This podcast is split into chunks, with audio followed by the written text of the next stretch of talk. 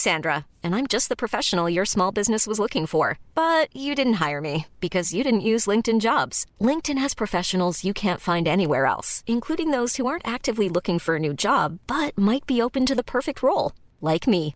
In a given month, over 70% of LinkedIn users don't visit other leading job sites. So if you're not looking on LinkedIn, you'll miss out on great candidates like Sandra. Start hiring professionals like a professional. Post your free job on linkedin.com/people today. Burrow's furniture is built for the way you live. From ensuring easy assembly and disassembly to honoring highly requested new colors for their award-winning seating, they always have their customers in mind. Their modular seating is made out of durable materials to last and grow with you. And with Burrow, you always get fast, free shipping. Get up to 60% off during Burrow's Memorial Day sale at burrow.com slash ACAST. That's burrow.com slash ACAST. burrow.com slash ACAST.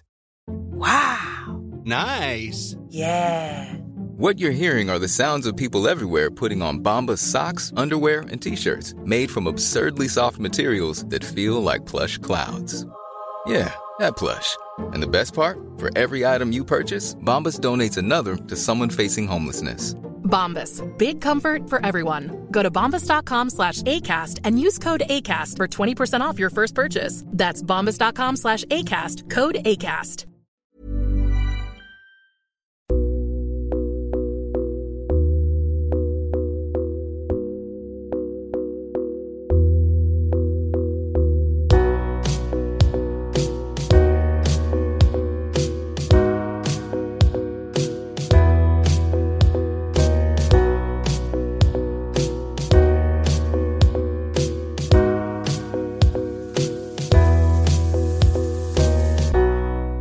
Du lyssnar på Säg vad du vill Åland, en lokal podcast med fokus på fria samtal. Jag heter Jannik Svensson och producent för podden är Didrik Svan. Vår podd består av mastodontsamtal. Vi vill ha långa samtal eftersom vi då får chansen att verkligen gå in på djupet. Idén är att fokusera på fria samtal. Det här är ingen debatt eller någon form av duell där det finns en vinnare och en förlorare. Det här är ett samtal där vi lägger fördomar åt sidan och där målet är att minska polariseringen. Vi tror att öppenhet är grunden för det demokratiska samtalet och vi vill uppmuntra dig som lyssnare att välja att exponera dig för samtal med någon du inte håller med om, hur triggad du än blir. Det kommer att diskuteras en hel del politik i den här podden och för att du som lyssnare ska slippa tänka på vad jag som programledare står politiskt kommer jag att med egna ord redovisa det för er. Jag tror på öppenhet även för min del. Min politiska bias, mina glasögon och min ideologi är frihetlig liberalism och jag är aktivt engagerad i politiken. Jag kommer att göra mitt bästa för att min partiskhet inte ska lysa igenom mitt uppdrag som programledare i den här podden. Men eftersom ingen människa kan vara objektiv så hoppas jag att ni med den här informationen kan åsidosätta mina eventuella brister och misstag. Det här avsnittet presenteras av Webax, hemsidor och innehåll. Jag heter Jannik Svensson och du lyssnar på Säg vad du vill Åland.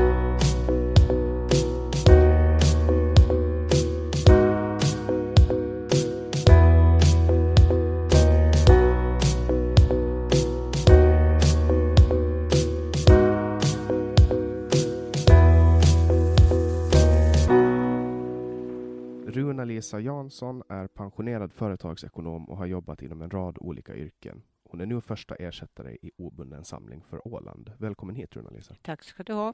Du har ju varit en, en mycket frekvent önskad gäst här i podden. Det låter väldigt, jag känner mig väldigt hedrad av det. Vad, vad beror det på då? För jag vet ju nästan ingenting om dig förutom att jag har läst dina insändare. Eh, Men det kanske många andra också har gjort, så det är därför. Och sen är jag ju, del tycker att jag är lite för vass och andra tycker att jag är lite mjäk. Och, ja, man har mycket olika uppfattningar om hurdan jag är som person. Vem är du enligt dig själv då? Ja, jag är egentligen aldrig äldre än 15 år, typ, inom mig. Sen eh, kroppen åldras ju tyvärr, så den är lite skruttig nu, men i alla fall, ja, vem, vem jag är som person, det får du fråga andra om. Jag vet inte riktigt själv. Hur gammal är du då? Jag fyllde 80 år här för några veckor sedan. Och du är första ersättare i lagtinget för, Jo. för obunden samling. Ja, det är ju inte dåligt. Jag känner själv att jag nog har slagit huvudet i glasstaket och det varit en spricka i det. För någon som är så gammal har väl aldrig blivit första ersättare första gången. Det, jag, jag, jag känner inte till det i alla fall. Jag har kollat på ganska mycket statistik över. Ja, det tycker jag, då tycker jag det är väldigt viktigt att eh, vi äldre lyfts fram på det här sättet. Mm. Väljarna har lyft fram oss, att vi äldre också har någonting att säga. Berätta om, informera om. Vi har mycket kunskaper och erfarenheter som vi tycker att eh, allmänheten borde få ta del av och lagtinget i synnerhet. Mm. Och nu eh, gör du dig lite redo för att kunna hoppa in ifall det skulle behövas snabbt i lagtinget? Ja, det gör jag. Jag går på den här kursen som anordnas här. För det är alltid bra med nya erfarenheter, nya kunskaper. Man håller hjärnan i, vad ska jag säga, fart på hjärnan på det sättet, så det är bra. Mm. Och jag är också första ersättare för mitt parti. Ja, Så, så vi går på samma kurs där. ja det gör vi. Vi är k- eh, skolkamrater nu för Skolkamrater kan man säga. så jag är, om vi nu kollar på, på även ersättarna då, Ja. så är jag den yngsta och du är den äldsta. Ja, just det. Så, så vi representerar den lägsta och det högsta på åldersskalan. Ja, det kan man säga, ja. Flera olika generationer, för det finns säkert en generation mellan oss också. Ja, det, det är det. Och det är min pappas generation. Ja, Eh, och vad har du gjort tidigare? Jag sa, jag sa att du är pensionerad företagsekonom, men, men när vi pratade här innan så, så rabblade du upp en hel rad av saker du har jobbat med. Ja, jag utbildade mig i Sverige till företagsekonom. Det var så här nämligen att eh, jag är ju född under kriget, under världs, andra världskriget. Och vi hade inte råd att låta mig gå i Lyceum i stan därför att eh, vi hade inga pengar till det och eh, det kostade. Och eh, det var jag väldigt sur och besviken över. Så jag bestämde mig att jag skulle minsann skaffa mig en utbildning jag också så småningom. Och det resulterade i att jag vid ungefär 30 års ålder läste in mig på företagsekonomi. Och, men du kommer från Åland från början? Ja, det gör jag. Jag bodde 20 år i Sverige och var gift där och hade tre barn, heltidsarbete och så pluggade jag på nätterna. Och du, när flyttade du till Sverige då? Eh, Jag flyttade dit 1957 och jag flyttade hem till Åland 1977. Så... Och, och när, när, före du, du flyttade alltså när du var 30 till Sverige? Nej, nej, oh, nej, jag är född 39. Du födde- för, för det jag tänker du Ja, sa att du var jag- 30 när du blev klar med utbildningen. Ja, just det, för att sen, jag började ju inte studera direkt. Jag levde ju livet. Jag levde loppan i Stockholm ett antal år och så gifte jag mig och skaffade, fick, vi fick tre barn och flyttade till Nyköping.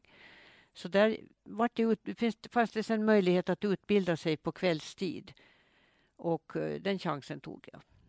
Så då, då har du levt loppan i Stockholm under 50-60-talet? Ja, jag har gått på Nalen och dansat. Det var jättekul. Och det här var ju på den tiden som Beatles och Elvis var. Ja, just det. Och kan du förstå att när Elvis var i Stockholm, så jag var ingen Elvis-fans. Så jag brydde mig inte om att gå och titta på honom när han visade sig på balkongen, balkongen på Grand Hotel. Utan jag tyckte att det var då verkligen ingenting att se. Ångrar du det idag? Nej, det gör jag inte för han är ju död. Men det är med- klart att jag har ju tänkt att jag hade ju haft chansen. Å andra sidan spelar det inte så stor roll. När man kommer upp i min ålder så är det inte allting spelar samma roll som det gjorde tidigare. Men sen eh, spelar ju Beatles i Stockholm också på 60-talet. 63, 62 tror jag. Ja, men då bodde jag i Nyköping och hade familj så då hade jag inte möjlighet att åka upp och lyssna på dem. Men de hade jag ju gärna lyssnat och sett. Vad minns du annat från den tiden då? Från Stockholm? Det, ju, det, en- det, det var ju väldigt annorlunda tid. Ja, det var väldigt lugnt och stilla för jag jobbade till exempel på Sturehov i Kallskänken vid Stureplan. Och vi slutade ju klockan ett på natten och då kunde jag ju gå, jag bodde på Drottninggatan.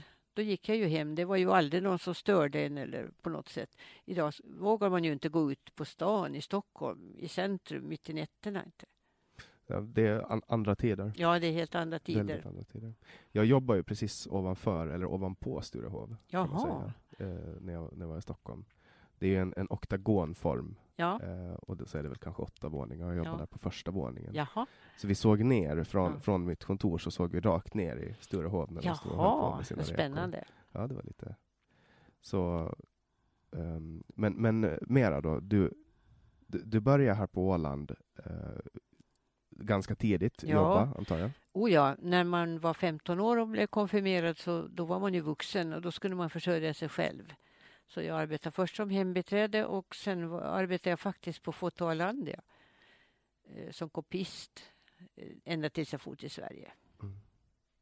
Och, och den här utbildningen då, du, du studerade till företagsekonom på, vad sa vi nu, fem- fem- 60-talet? Eh, 70-talet? på 70-talet. 70-talet. Mm. Och sen flyttade du tillbaka till Åland? Ja, jag skilde mig den vevan och då tyckte jag det var lämpligt att flytta hem igen. Och så kom du till Åland 1977 Ja, när nya vindar blåste och huset vi sitter i nu restes, projekt Ja. 77, ja. ämbetshuset, lagtinget, arken, landskapsregeringen. Men jag hade ju i alla fall tillfälle att gå på Sosis och, Sosis och dansa. Jag var ju inte 18 år. Men det var ju ingen som frågade efter det så noga på den tiden. Jag har varit på Sosis och det var kvar. Och det är någonting som jag önskar att jag skulle ha fått upplevt. Ja, det var lite speciellt. För det var Fast ju det förstod man ju inte då. Nej. Men vad tyckte man då? Tyckte man att, att Sosis bara var ett gammalt hus? Nej, man tyckte det, det var liksom lite finare folk oftast som gick på Sosis. Och, och eh, vi andra dansanter gick mest på Myran. Mm. Och så gick bönderna gick på böndernas hus. Men jag har minst, och sen när det var paus på Myran så om man var riktigt snabb i fötterna så hann man springa över till Sosis eller till böndernas och dansa under pausen. Och så tillbaka igen. Och så där höll man på. Eh, och för att förklara för, för den oinvigde lyssnaren så var ju Sosis, då, Societetshuset, Ja, ett jättestort eh, fint trähus som stod där självstyrelsegården står idag. ja just det. Och, och där kunde man dansa, där fanns polishuset, där fanns det bar, kanske Mm. hotell tror jag också fanns. Ja, Eh, och, och det var väl någon form av allmänt, eh, alltså allmänna lokaler. ja det var det. Och, och sen fanns Miran som var en danslokal där i Miramarparken, Ja, där biblioteket står idag. ja just det. Och Böndernas hus, det är Medis. Ja, det stämmer. Och, och, det här var lite indelat, vem som fick gå vart. Ja, i alla fall vart man ville gå, Ja. om jag säger så. Sen det- fanns någonting som hette Neptun. Neptun också, ja. Det, det, det, det kom nog något senare. I alla fall var det inte ropet på den tiden jag var ung, utan det var det de där tre ställena som gällde. Men Neptun kom nog, tror jag, under den tiden jag bodde i Sverige. För sen var det väldigt populärt. Mm. Så där har jag också varit och dansat. Just det. Och, och andra nöjeslokaler som fanns då var Bio Savoy. Ja, det var det. Och så var det Biorita. Var låg Bioreta någonstans? Eh, Det som kino, det borde ligga där kino ligger Ja, idag. just det. För där fanns en, eller annars, annars blandade jag, men jag vet att det fanns tre biografer ett tag i Mariehamn. Mm. Det var andra tider. Hur var Mariehamn på den tiden då, på 50-talet? Det var lugnt och städat och, och när jag gick till exempel Väinö Rosten var ju direktör då på Alandia och Foto Alandia och då skickade han mig iväg med till posten med på ärenden och när jag mötte äldre herrar som var på promenad i stan så lyfte de hatten och hälsade på den där flickungen Mm. som de mötte på gatan. Alltså det var en artighet som inte finns idag. Vad hände med den då? Vart försvann artigheten? Ja, den försvann väl med gubbarna i graven antar jag. För, för nu finns ju bara den artigheten kvar egentligen i väldigt, väldigt formella sammanhang som till exempel lagtinget Ja. där man ska titulera folk. Mm. Eh, och även här börjar det väl försvinna. Ja, det hoppas jag. jag. Jag tycker att det är bra att det finns den här artigheten och att det finns vissa regler också för hur man uppträder och klädkoden är också viktig.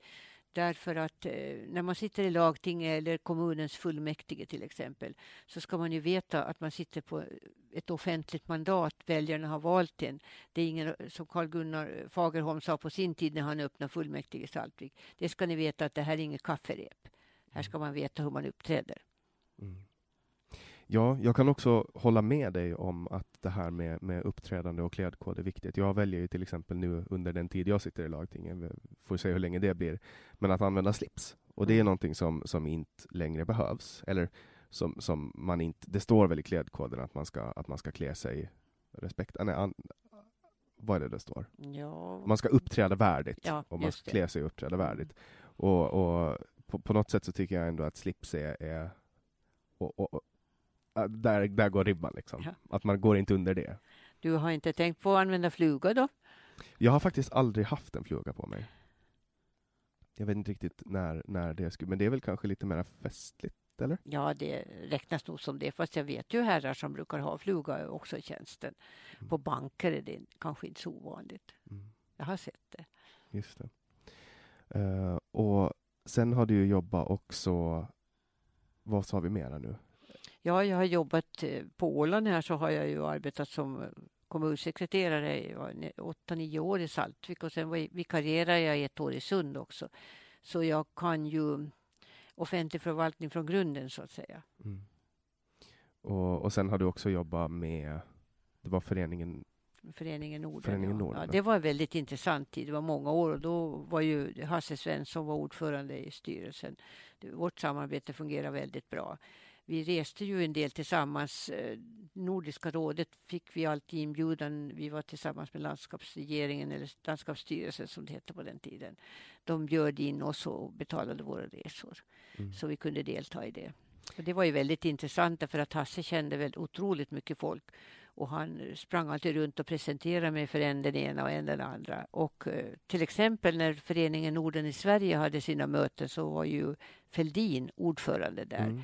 Och då var det alltid min uppgift att vara hans bordsdam vid den efterföljande middagen eftersom jag var stod högst i rangen eftersom jag var den enda kvinnliga direktören. Okej, just det. För, för farfar har, har berättat om, om hans vänskap med, med Torbjörn Fälldin. Ja. De var ju även vänner privat. Ja, Och, och han var ju, när var han statsminister? Det var på 70 jag tror det var på 70-talet. Ja. Han var två, två ministrar efter Mm. eh, Olof Palme. Va? Mm. Men, eh, så då, och det här var på 90-talet som det var i ja, det var det. Föreningen Norden. Mm. För, för sen kom ju också farfar in i lagting och då Jo. var han aktiv i Nordiska rådet. Ja. Så han liksom förlängde sitt, eh, Mm. sitt Norden-engagemang men gjorde det parlamentariskt istället. Och sen gick du i pension eller hade något? Ja, det, det gjorde jag. Mm, vi ska se nu, jag var 60 år när jag gick. Jag fick individuell förtidspension därför att jag har haft så mycket problem med min rygg och haft hjärtbesvär. Så att, eh, därför så fick jag lov att trappa ner. Det var ganska mycket resor. Jag var ju väldigt aktiv här. Vi hade väldigt aktiv Nordenförening på den tiden. Jag ordnade hit Nordpraktikanter till exempel, så jag var med och intervjuade dem i Estland och Lettland. De som skulle tas ut för det, den praktiken hit till Åland. Så det var en hel del resor. Och sen hade vi ju direktörsmötena som var på olika, i olika nordiska länder. Och eh, då åkte man härifrån på morgonen med morgonflyget till Stockholm till exempel om mötet var i Köpenhamn. Och så flög man då efter en stund från, från Stockholm till Köpenhamn och så checkade jag färdigt in för kvällens hemresa innan jag tog taxi upp till eh, Österbrogade till eh, Danmarks kontoret där då, Föreningen Norden i Danmark. Och sen hade man möte över dagen och så var det bara att hasta med taxi tillbaka till, till flygplatsen och så åka hem. Mm. Så var man hemma vid nio tiden på kvällen. Så det var ganska tunga resor. Nu var ju inte det där så alla veckor minsann, men ändå så det var ganska mycket sånt där. Så. Just det. Och, och nu lever du pensionärslivet? Ja, det gör jag. Så gott, mycket jag hinner, men jag har ju så mycket andra engagemang och bland annat politiken då. Jag har ju varit med i, i kommunfullmäktige och hoppat av där vid 70 års ålder någonting för jag skulle bli pensionär hade jag tänkt. Men det var bara, tog bara fyra år.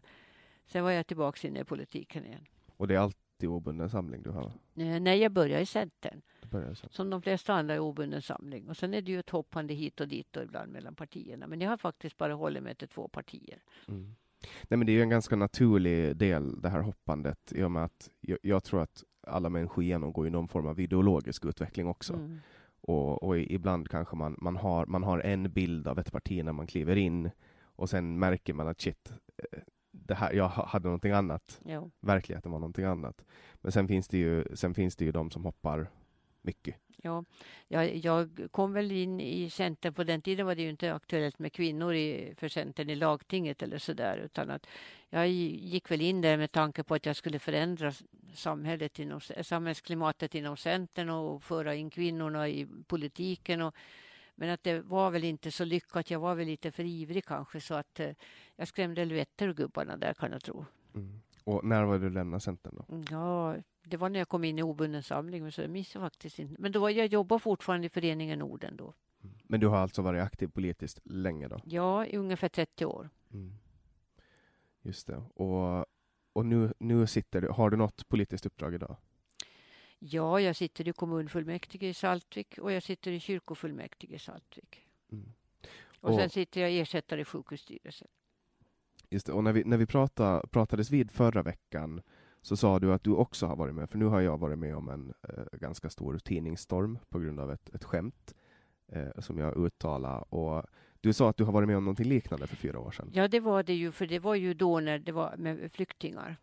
Och eh, Saltviks kommun skulle ta emot flyktingar och jag var inte av den åsikten att, man, att vi var beredda att ta det. Jag ansåg att vi inte hade att vi var mogna tillräckligt, att det inte fanns tillräckliga resurser för att ta hand om en familj. Utan skulle vi ta en familj så kunde jag tänka mig i så fall att det skulle vara en kristen familj.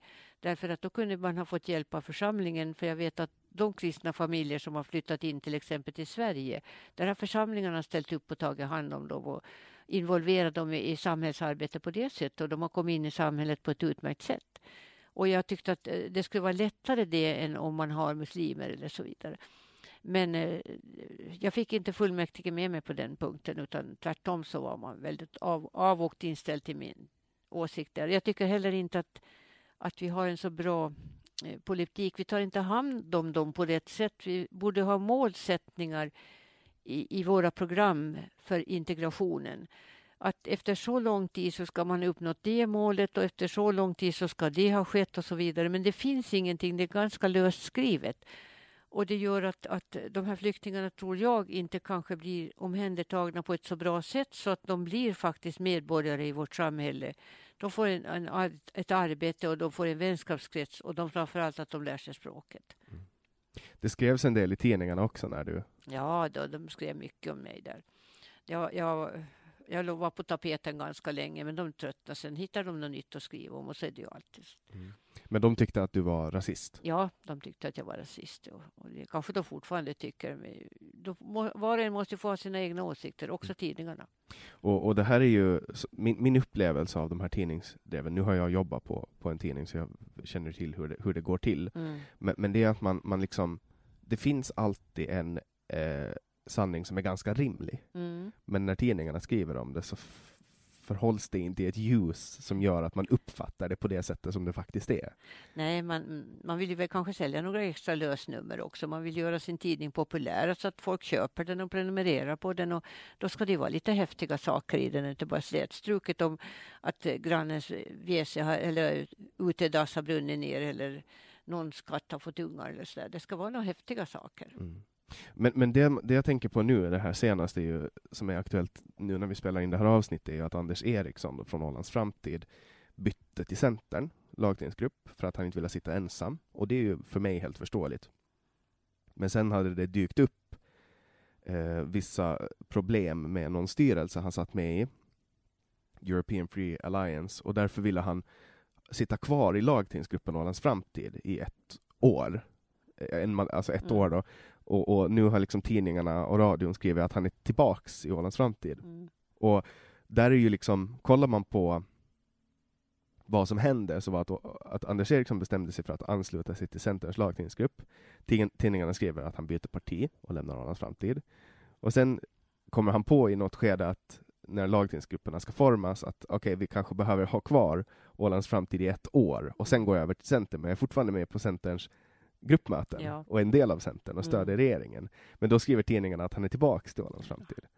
Att man liksom, och i texten så framgår ju hela fakta bakom mm. det här. Men det är ju inget kul att berätta om. Nej, det, det, det är det ju inte faktiskt. Men eh, om jag ska säga någonting om den där saken så tycker jag att Anders borde ha tagit reda på de ekonomiska förutsättningarna som gäller. Är man en grupp i lagtinget så har man ju vissa ersättningar mm. som inte utgår om man uh, går in i en annan grupp. Och inte den andra gruppen får heller, för det, det är pengar som går till enbart till gruppen som sådan. Ja. Så de skulle ju Ålands Framtid ha gått miste om om han hade gått över nu så här direkt. Så att han var väl lite för snabb i vändningarna där. Mm. Och, det, och det håller jag med om. Eh, alltså, man, han, han kanske inte hann, men sen, sen får man också... Alltså jag tänker ju så här att det har, gått, det har inte gått så länge sedan valet och det är mycket som händer och han kommer tillbaks efter fyra år och du vet, det, kan, det är svårt att få allt och, och partiledaren har precis mm. lämnat, Axel Jonsson, och det har kommit en ny partiledare. Att det är säkert mycket som ska liksom, och nu är det ju regeringspusslet. Ja. Så att jag kan ändå förstå att det finns en råder viss förvirring och, och man kan tycka vad man vill om att hoppa runt mm. partier. Alltså det är ju, man sitter ju på eget mandat, så alla har ju fullständig rätt att byta parti precis som man vill. Ja, men det är ju hans sak. Men att jag tror att väljarna kanske sen framöver funderar på att vilket parti, vilken partifärg har han? Mm. Så att det, det, kan ju bli ett problem förstås för honom. Men å andra sidan så vet man ju inte, ingenting om vad som händer om fyra år. Han kanske tröttnar på politiken. Så att... ja, ja, vem vet. Eh, det är ju några som har återkommit nu efter, ja. efter en tid. Ja, det är lite spännande. Ja. Fredrik Karlström, Mm. han är tillbaks. Ja. Han, är väl, han var ju obundna Ja. under samma tid som du var där. Ja, det var han. Var obundna ett annorlunda parti före hela moderatgrejen hände? Mm, ja, det var det nog faktiskt. Därför att det är ju de som sitter i lagtinget och som sitter så att säga i toppen på partiet. Det är ju de som formar partiet väldigt långt. Mm. Och eh, nu är det nog ett annat. Nu är det liksom tillbaka som det var förut igen när Bert Häggblom håller i det. Så, så först starta Bert obundna och sen Mm. kom hela den här eran med Gun-Marie Lindholm Mm. och eh, Fredrik Karlström och Danne Sundman. Ja. Och då det, blev det ett annorlunda parti? Eller? ja, det tyckte jag nog att det var. För att då var det mer- mera strikt helt plötsligt. Att eh, bara de som satt i styrelsen fick gå på styrelsens möten och, och, och så vidare. Eh, jag tycker nog att, att det var liksom, de var en grupp för sig helt enkelt. Man visste inte så mycket vad som hände. Bert är väldigt noga med att, att så många medlemmar som möjligt ska komma upp på styrelsens möten och delta och lyssna och ha åsikter. För han vill ha ett levande parti helt enkelt. Och det är ett sätt att ha det på. Man träffar mycket människor, många medlemmar. Eh, sen om man nu någon gång skulle få för sig att man ska rösta om någonting så då får de ju inte rösta. Men det är ju det enda som skiljer Mm. med- medlemmarna i styrelsen från övriga. Men, men det som jag har funderat mycket på när det kommer till obunden samling är att man, man har ju, man får ju tycka vad man vill och, och man får ha vilken ideologisk inriktning som helst i obunden samling. För det är väl det som är grundidén. Jag, jag vet inte riktigt om jag kan hålla med om det. Därför att vi har ju stadgar och vi har ju partiprogram. Och de som inte omfattar vårt partiprogram så är ju inte så intresserade att vara tillsammans med oss heller. Och sen har du ju personkemin som ska stämma överens med verkligheten också. Det ska vara så att man trivs tillsammans och det gör man inte om man har väldigt, väldigt olika åsikter. Så då är vi ju ganska lika i grunden allihopa. Det kanske det här, jag skulle säga att det närmast det här med partipiskan. Att eh, vi har rätt att rösta hur vi vill också i lagting eller kommunfullmäktige. Man, man ger oss den friheten. Och nu har jag ju märkt att många andra partier också har börjat med det att, att man har rätt att ha egna åsikter i saker och ting. Att om det känns som en hjärtefråga så ska man kunna avstå från det. Och det är ju grunden i eh, systemet vi har som är Ja. ett personvalssystem. Mm. Men sen är det väl kanske tanken att man ska hålla ihop som grupp. Jo, men det är klart att det är mycket bekvämare att bilda regering om du bildar det tillsammans med partier som du vet att har partipiska. Kommer vi överens om det här nu så håller det punkt och slut. Och det gör det ju i en regering därför att där sitter få människor och bestämmer väldigt långt när det kommer så långt att regeringsbildningen är klar. Sen, sen har du ju lagtingsgruppen då, lagtinget som beslutar om de stora och övergripande reformerna och lagar och så vidare. Och det är väl där man kan rösta eh, efter sitt hjärta och det vet jag ju att det har hänt Mm. också. Senast var väl Jan Holmberg Ja. kanske som, som röstade på ett sätt och gruppen på ett annat. Och vi vet också det att eh, de social, socialdemokratiska ministrarna var inte närvarande vid ett plenum i landskapsregeringen där en sak som de inte kunde omfatta skulle beslutas om. Mm. Så visst händer det väl att man gör, man, man gör lite sådana olika, man har lite olika sätt att göra det på kanske. Bara. Ja. Medan vi säger rent ut att man har rätt att... Men i, vi... Eller vad ska jag säga, man tycker ju, säger så här i massmedia har jag läst att eh, obunden samling är så spretiga. Men man formulerar inte på vilket sätt. Nej, jag, jag tycker vilja man ganska, jag tycker ju att man är ganska unison i, i sitt sätt att framföra Ja. politik. Jag tycker att det är en konservativ borgerlig politik som man Ja, framför. ja, men det, det har du rätt i. Vi, vi är nog ganska konservativa och vi är nog väldigt borgerliga. Ja. Men sen, sen ser jag också att det finns en hel del frispråkighet inom obunden samling. Jo, det finns. det finns. Det är väl sådana kanske som inte haft möjlighet, som har varit politiskt aktiva i andra partier och inte haft möjlighet att vara frispråkiga där därför att, att någon har sagt att ja, men vårt partis linje är så här, punkt och slut. Och då får man lov att hålla sig till det. Medan vi inte har, säger så hos oss. Mm. Men i de stora övergripande frågorna håller vi ihop. Och för, för det, det jag tänker på med, med typ frispråkighet är att saker som folk säger, eller kandidater eller, eller förtroendevalda i obunden samling säger, skulle i ett, etablerat eh, stort parti, nu säger jag inte att obundna inte är Mm. etablerade, men i ett, i ett annat parti kanske Mm. får konsekvenser. Jo. Man ska kanske bli utkastad eller Mm. utesluten. Ja, man, det har ju hänt. Men ni har, ni har kastat ut folk från obundna också? Jo, tidigare. Men in, inte nu under de här senaste åren. Men tidigare då har det också funnits medlemmar som har fått gå för att de inte har, har haft, eh, om man nu vill säga de rätta åsikterna. Eller, det, det låter väldigt dumt att säga så, men jag hittar inte något annat ord just nu. Mm. Nej, De, har, de har ha- varit väldigt avvikande från, det, från våra Vi har nog minsann också grundläggande värderingar. Inte tycker vi om, om förtryck till exempel. Inte tycker vi att kvinnovåld är rätt och riktigt. Nej. Nej, och det, det finns ju, det, det går ju inte, eh, det följer ju inte linje med våra grundlägg, alltså va- varken lag eller, eller Nej. moral Nej. här. Så att, eh, men har ni haft sådana problem? Alltså? Nej. För, för ni har ju en person som har, har lämnat obunden samling, alltså Fredrik eh, Fredlund. Fredlund. Fredlund, ja. Det är alldeles riktigt och, och det gjorde han ju på egen begäran därför att han insåg att, eh, att han hade kanske, att det var lite trångt i obunden samling för honom efter det som hade hänt. Mm. Vi var alldeles för många som inte tyckte att han hade gjort rätt och riktigt, även om han påstår själv att han inte har gjort något fel. Ja. Men sen blev han ju dömd för det också. Ja. Så att, men att eh, moraliskt sett så ansåg då vi att det där var inte i enlighet med vår ideologi. Och det är ju förståeligt. Ja. Eh, och vad är din syn på, på det här som hände, vilket år var det, 2011, 2012, när obundna lagtingsgruppen gick över till Moderaterna, eller till, slog ihop sig med Frisinnad samverkan. Ja, då, det var ju under en period när jag hade slutat med politiken och det var ju anledningen till att jag helt plötsligt hamnade i hetluften igen. För att eh, jag var helt chockad när jag, eh, det var en medlem i styrelsen som ringde till mig och berättade att imorgon bitti klockan nio så har man presskonferens och då meddelar man att obunden samling går över till Moderaterna. Och jag sa det kan inte vara möjligt. Jag, jag, varit helt, jag varit faktiskt chockad över beskedet för jag hade inte kunnat tänka mig någonting sånt. Och sen då när vi har- jag var chockade färdigt allihopa då som tyckte att partiet skulle fortsätta så samlade vi ihop oss och, och startade om på nytt. Mm. Och de som ville gå över till Moderaterna så gjorde ju det och vi som inte ville så vi fortsatte med obunden samling. Och jag, tycker att, jag tycker att det var ett rätt beslut och ett bra beslut. För det visar ju, våra fyra mandat i lagtingsvalet visar ju att vi gjorde rätt. Mm. Och, och förra valet så var ju obundna helt uträknade. Ja, Men eh, det gick ganska bra ändå. det gick ju väldigt bra. Vi fick ju tre mandat. Mm. Så att eh, otroligt bra gick det faktiskt. Och, och som sagt det visar ju att det finns rum för flera partier på Åland. Ett tag så skulle man ju bilda ett kvinnoparti, ett feministiskt parti och det tyckte jag jag såg fram emot men att det vart aldrig någonting av det sen och det var ju synd för det hade varit roligt att se hur det har gått för det partiet.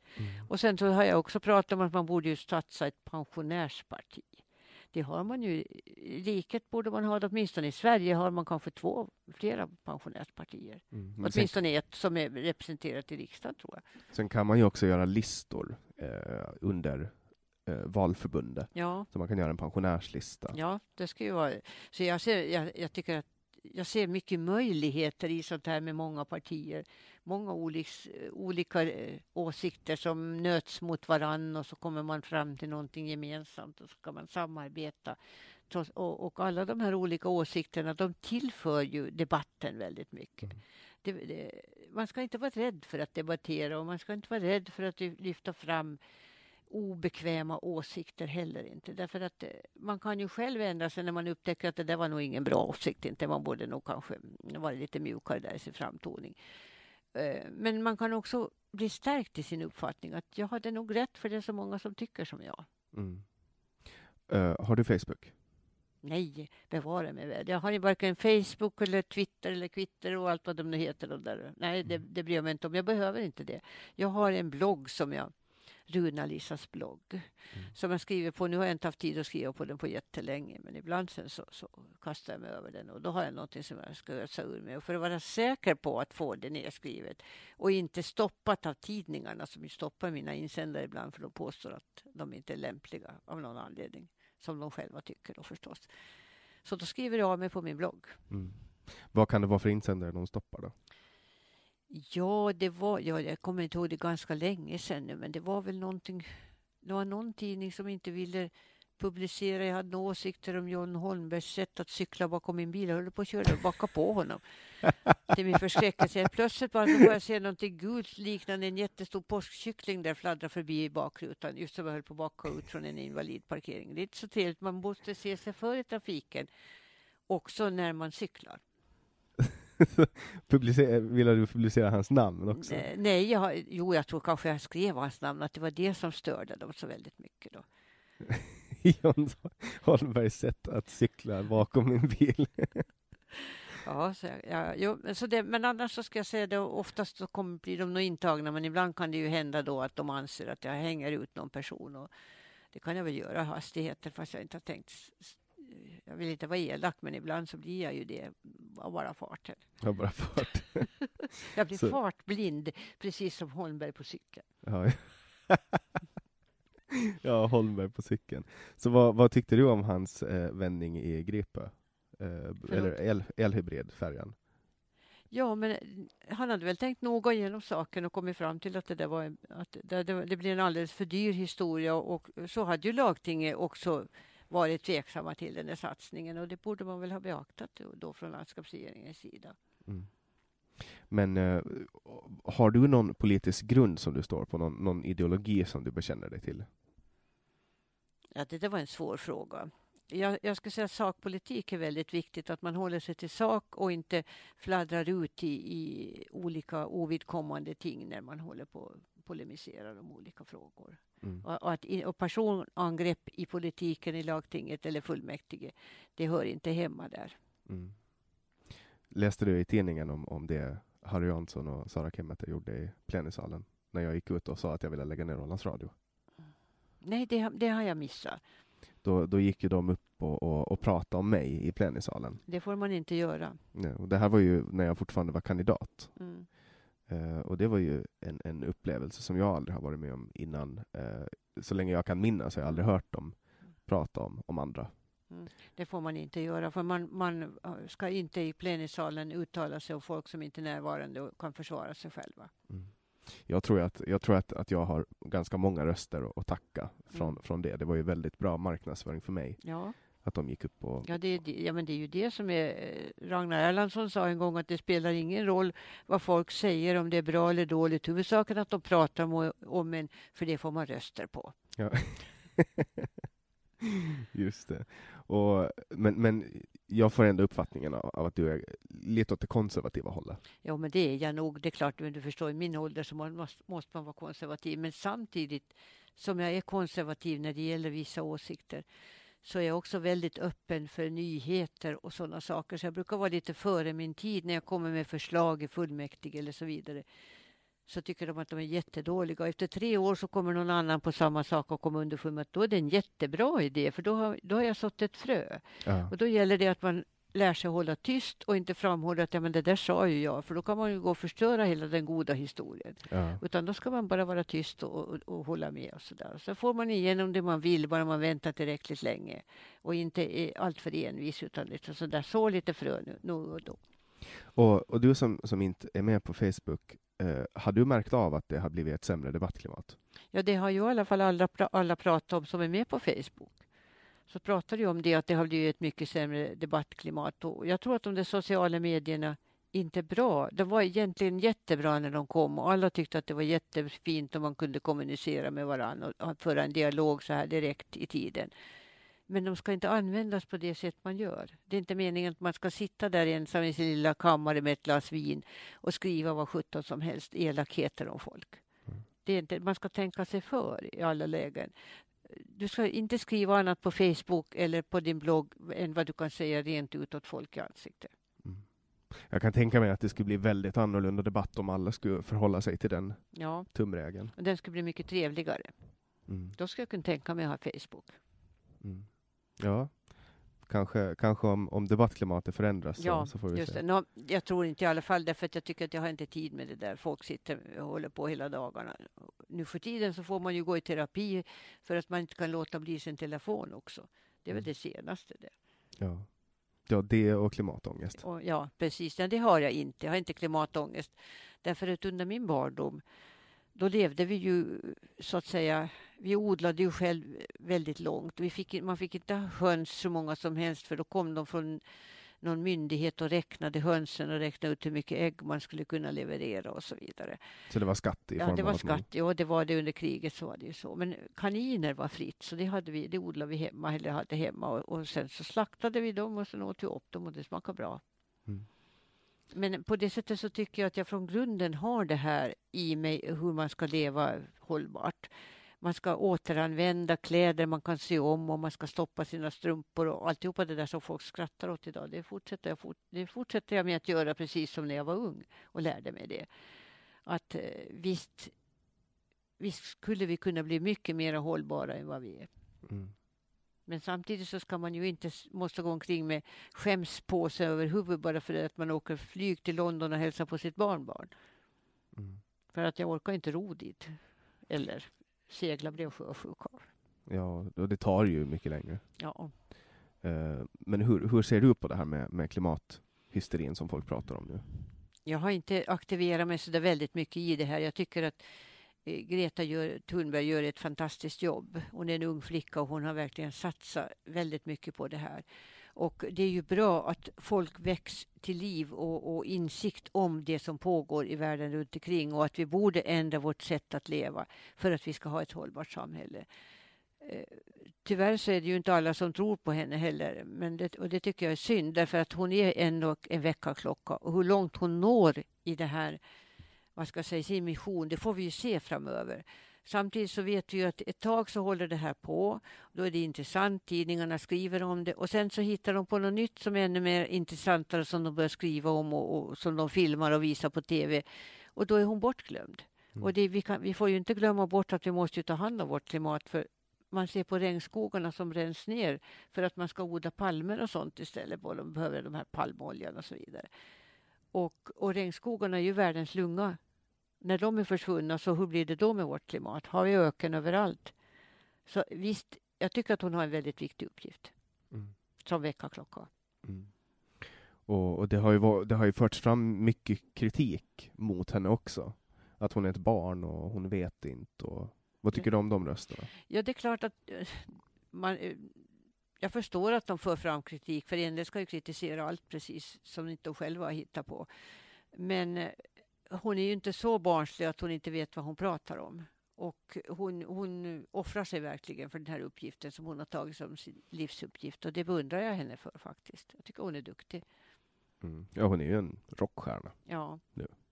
Hon är ju, Frågan är bara hur länge det varar innan massmedia hittar något nytt som är ännu intressantare och hon blir bortglömd. Och så glömmer man bort klimatet och så flyger man ännu mer. Och flyget har ju liksom blivit en, en symbol för det där nu då som är. Men det finns ju så mycket annat som smutsar ner också. mm. Och det är ju, alltså, det känns som att de här frågorna går i popularitet. Jo, Att för, för fyra, fem år sedan, då var det invandring som var Mm. stora, liksom Ja. det man pratade om. ja. invandringspolitik och, och migrationspolitik och integration.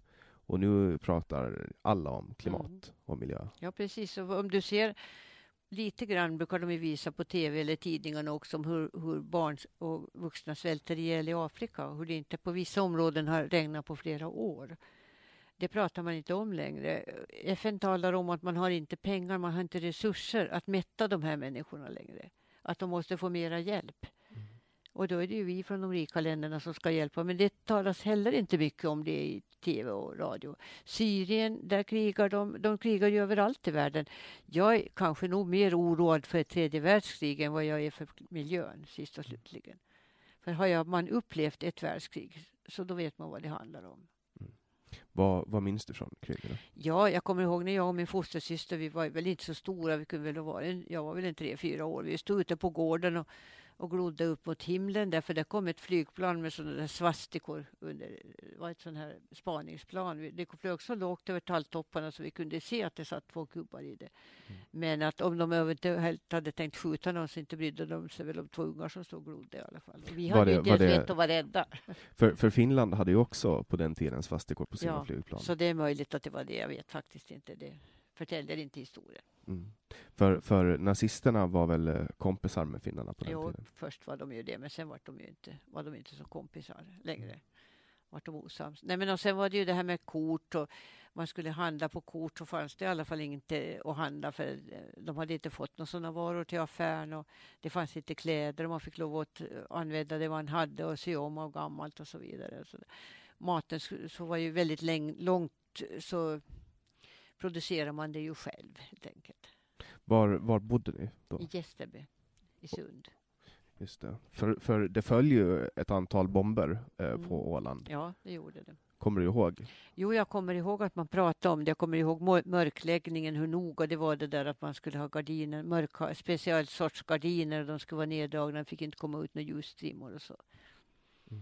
För att det, det flög ju bombplan över på nätterna. Mm. Och det, det föll ju bomber här på Neptunegatan, Ja, korsningen Neptunegatan, Mm. Mariagatan och sen Ja. var det ute på landet. jo, i, i Västra Saltvik också, för det var väl någon bonde eller någon som hade eldat någon brasa ute då förstås och inte sett till att glöden hade släckts ordentligt, sades det efteråt och där hade de väl slängt någon bomb. Så då. Och, och, men det var ryssar, Ja, om jag har förstått det rätt. Ja. Som, och Färgsundsbron försökte de ju bomba också, men den missade de ju. Ja. Det var ju tur det. ja, det var ju tur det. Den står ju kvar än i denna dag. Jag vet inte om det, om det är samma bro, men Ja, det är det, fast den är ju blivit tillbyggd och, så att säga, ett antal gånger och förstärkt. För trafiken är ju helt annorlunda idag än den var 38 när den stod färdig. mm. och, och du var född 30, 39. 39, just det.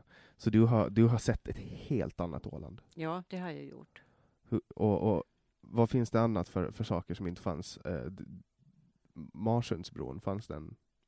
Men så, nej, jag har faktiskt åkt båt där över, färja en gång. Så de, då, Ja. Och då var man på Eckerö? Ja, då var man på Eckerö. För det var en ö? Ja, Ja.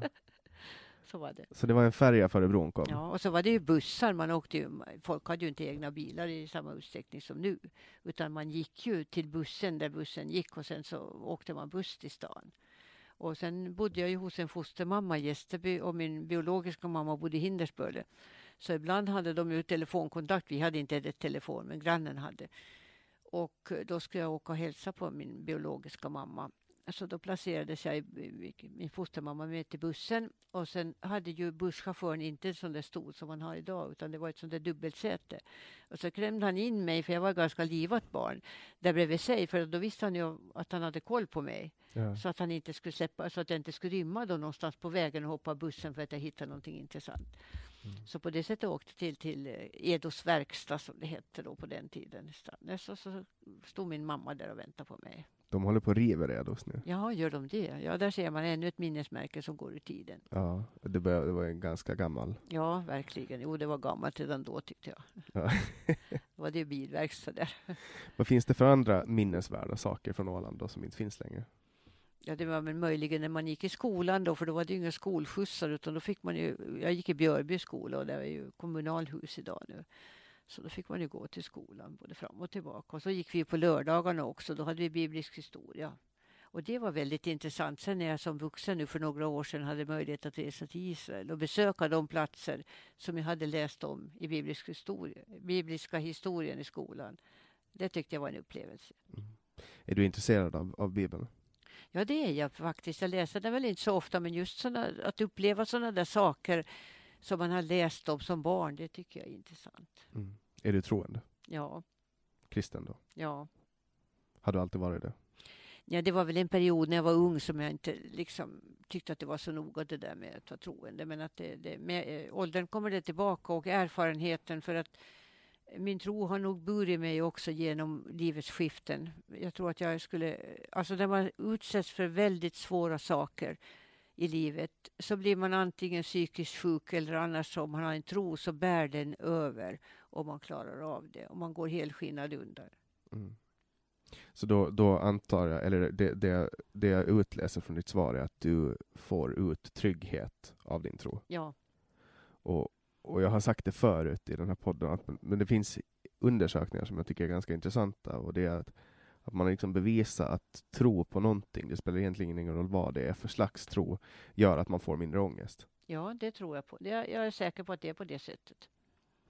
Och, och att det kan liksom att jag vet inte vad det är som gör det, om det kanske är de här andliga elementen som man väver in. Att, att bön och meditation är någonting som ger människor i allmänhet lugn. Alltså nu har man ju på olika sätt försökt inkorporera de här andliga elementen i skolorna. Ja, Man gör om meditation och så kallar man det för mindfulness och så låter man folk göra det och sen gör man om bön till, till tacksamhetsövningar och visualisering Ja. och så inkorporerar man det. mm. Så att man liksom tar bara bort upphovet, vilket Mm. är religion. Alltså religionen har ju föregått allt ja. om man, om man ser det så. Och religionen har ju minsann tusenåriga traditioner så det är ju ingen något nytt påfund som Facebook och det. Och, och, jag tror att eh, om de här skulle tro lite mer, alla de där som får ångest för att de inte får tillräckliga mycket, tillräckligt många likes av det de har skrivit på Facebook, så skulle de må mycket bättre. Ja, men de har liksom, eh, för dem är det så viktigt, jag menar, det är ett sätt att tro det också. Att tycka så här att nu skriver jag det här och berättar det här på Facebook och, och, då får jag se hur många likes, hur många som tycker som jag och som gillar det jag skriver. Om ingen bryr sig om det eller skriver elakheter så då, då blir de olyckliga och mår dåligt. Mm. Men att, om man tror så då behöver man ju inte fundera på någonting sånt för då finns tron fast inom en. Och det behöver inte vara någon som ger ett direkt svar heller. Utan bara jag bara vet att jag kan känna mig trygg i min tro. Mm. Har du haft någon upplevelse som, som har gjort att du inte kan rubba i din tro? Jag har haft ganska många upplevelser under årens lopp. Bland annat att, att eh, andra skulle kanske kalla det för hemsökelser. Det gör inte jag. Jag kallar det nog mera för upplevelser. Vill du berätta om någon? Nej. Jag tror att det, det tillhör... Det finns någonting nu för tiden som inte... Eller det finns någonting som, in, som inte finns längre men som jag skulle vilja återuppliva och det är privatlivet. Ja. Ja, jag förstår. Och det är många, jag har ju också sådana eh, såna saker som jag har liksom upplevt som om jag skulle berätta dem till folk så skulle folk ifrågasätta min mentala hälsa. Ja, det, det förstår jag, för så, det, så känner jag det också. Ja. Och, och, jag vet inte vad det har att göra med, men folk har ju alltid pratat om, om upplevelser, alltså överväldigande andliga upplevelser. Mm. Men, men jag har i samband till sådana här uh, upplevelser känt, alltså det är en känsla i kroppen som inte går att missa. Mm. Det är en känsla som inte går att um, Alltså, jag har aldrig lyckats framkalla, den har aldrig kommit till mig spontant. Nej. Utan den har bara kommit efter, en, efter att jag har varit djupt inne i min mm. egen själ och grävt, ja. grävt mm. runt och försökt hitta svar. Ja. Och, och, och, kanske också efter långa perioder av meditation mm. och där jag har ätit väldigt rent. Har du, eh, har du skrivit automatskrift någon gång? Nej. Det har jag gjort under perioder. Ja, jo, alltså att, att, man skri- att det är någon annan som skriver, ja. typ. Att orden kommer till en. Ja, de, de kommer inte ens, utan det är handen som går över pappret och skriver och du sitter kanske och tänker att vad kommer det nu för ord? Och så kommer det bara och det kommer meningar. Det är ganska intressant. Det kräver ganska mycket av en av mentalt så att säga för, långtidsförberedelse. Åtminstone för mig var det det innan, jag, eh, innan det fungerar. Mm. Nej, men jag, jag, gör det inte längre, men en, en lång period så gjorde jag det. Och det, det, har, det har faktiskt hänt mig att jag har, att jag har skrivit ner en boktitel på en bok ja. som jag inte hade läst och inte mm. visste om att existera. Och, och det, här, eh, det här förbryllar mig. Alltså, nu, nu kommer ju folk troligtvis att, mm. att tycka att jag är som jag sa tidigare, att jag har något fel med min mentala hälsa, vilket jag också har. det finns väl ingen människa som är helt frisk. Ja, men å andra sidan, vad är det för skillnad på sjukdom och friskhet när det gäller det mentala då? Mm. Nej, men det, det, som, det som hände var att jag satt och skrev och helt plötsligt så, så hade jag bara en, en känsla att jag var utanför min kropp. Mm. Och jag fortsatte skriva och då hade jag skrivit ner en boktitel Eh, på en bok, och så eh, eller jag visste inte att det var en bok, men jag googlade på det och så fick jag fram att det var en bok och så läste jag boken och så fick jag ut väldigt, väldigt mycket av att läsa mm, den. Och, och, och, jag har ingen aning om, om det kan vara, jag är helt öppen för allt. Mm. Det kan ha varit så att det var någonting undermedvetet som jag har mm. plockat upp eller någonting jag har hört, eller ingen aning. Det mm. enda jag vet var att, att det kändes extraordinärt och därför mm. var det ja. extraordinärt. Det är min upplevelse. Ja, just det. Och den är ju din och bara din och, och det ska du ju Eh, behålla för dig själv. På det sättet, du kan ju berätta om det men du ska respektera att du har haft den här upplevelsen. Du ska inte låta andra bli nedlåtande mot dig för det. För att var och en har rätt till sina egna upplevelser. Mm. Därför vi är unika som människor. Det, och det är också sånt här att jag, jag till exempel um, och det här är också, nu, nu pratar jag om, om, saker som, som folk kommer att döma mig för, men folk får gärna döma mig om de vill. Men jag hade en dröm om eh, min morfar, där jag pratade med honom eh, om ett visst objekt som fanns i världen och min morfar är död eh, sen, sen, många år. Och jag hade den här drömmen och den var så klar, mm. den här drömmen. Det kändes så verkligt. Eh, så att jag pratade med mamma om det. Eh, och det, det, vi pratade om, det jag och min morfar pratade om var ett pass. Mm. Alltså ett sjömanspass. Ja. Eh, och jag vet inte varför vi pratade om det, men jag nämnde det till, till mamma, att jag tyckte att det var konstigt. Eh, och någon dag senare så kom hon till mig och så visade hon det här passet. Och, och det här passet har ha varit på, i min mammas förvar och jag har liksom aldrig haft någon chans att komma i kontakt med det här. För att det här har varit hans ända tills han, han dog och sen har mamma haft det någonstans. Och, eh, alltså sannolikheten att jag kan ha sett det i min barndom är väl möjlig. Det är väl möjligt. Ja. Men, men vad är det då som har gjort att jag minns det många, många, många år senare och drömmer om det? Mm. Så att sådana saker har fått mig att, att kanske hålla öppet för att, att eh, världen kanske inte är så inrutad och vetenskaplig som, som vi vill påstå. Ja, att det nej, är. det är väl också så här att eh, för de som bestämmer i världen, för politiker och forskare och andra, så är det ju mycket tryggare att vi låter oss invaggas i den tron att allting är så här precis och inrutat. Det är ju väldigt svårt att erkänna att det finns en värld som inte ens de behärskar. Att inte ens de vet någonting om det och de kan inte forska. De forskar i det men de kommer inte till något slutresultat. Men också stora forskare har ju sagt att det finns mycket som man inte kan förklara. Mm. Och det vet jag att jag hörde de prata om de, efter Nobelfesten så brukar det ju vara Snillen spekulerar, tror jag det tv-programmet heter. Och där pratade de om det där en gång. Att det finns väldigt mycket som inte kan förklaras i ord Mm. eller termer. Exakt, alltså saker som man upplever och sen Mm. finns det inte ord, alltså orden är inte tillräckligt breda Nej, för att kunna sätta eh, förklara, Nej. kommunicera till någon annan vad det är, Precis. utan man måste uppleva det. ja, man måste uppleva det själv. Det är ungefär som eh, vissa konstverk till exempel, eller musik. Mm. Det går liksom inte att förklara. Jag kan inte förklara för en människa hur det kändes i mig första gången jag hörde Pink Floyds album Dark Side of the Moon. Mm. Jag kan liksom inte beskriva det till någon, utan det enda jag kan säga till folk är att men, ta på dig ett par bra hörlurar, sätt dig i ett mörkt rum, Mm. ta bort all stimuli och bara lyssna på ljuden. Då, då kommer du att förstå. Eller kanske förstå, jag vet inte. Ja, det är ganska märkligt det där med musik. För ibland fascineras man av musik som man hör första gången som man vet att det där, den där typen av musik har jag aldrig hört förut. Men på något sätt så känns det som man skulle ha hört den många gånger. Ja, musik är ju alltså... På, på, det, det jag har noterat är att, att om jag lyssnar mycket till exempel på en speciell låt eller ett speciellt album under en period av livet så är det som att jag har känslor kopplade till det. Mm. Så att när jag lyssnar på det tio år senare så kan jag liksom få samma känslor tillbaks. Ja, men det där stämmer nog för jag har upplevt samma sak faktiskt. Och det, jag tycker att det är spännande för att då kan man liksom ta en resa tillbaks i tiden. Eh, och sen också att, att det jag har också märkt när jag kollar tillbaks på mina minnen är att alla minnen är indelade i perioder. Mm. Det är som block. Jo, Är det så för dig också? ja det har jag också tänkt på. Det stämmer faktiskt. Så du kan liksom tänka tillbaks och så är det liksom en period av ditt Mm, liv som är... ja.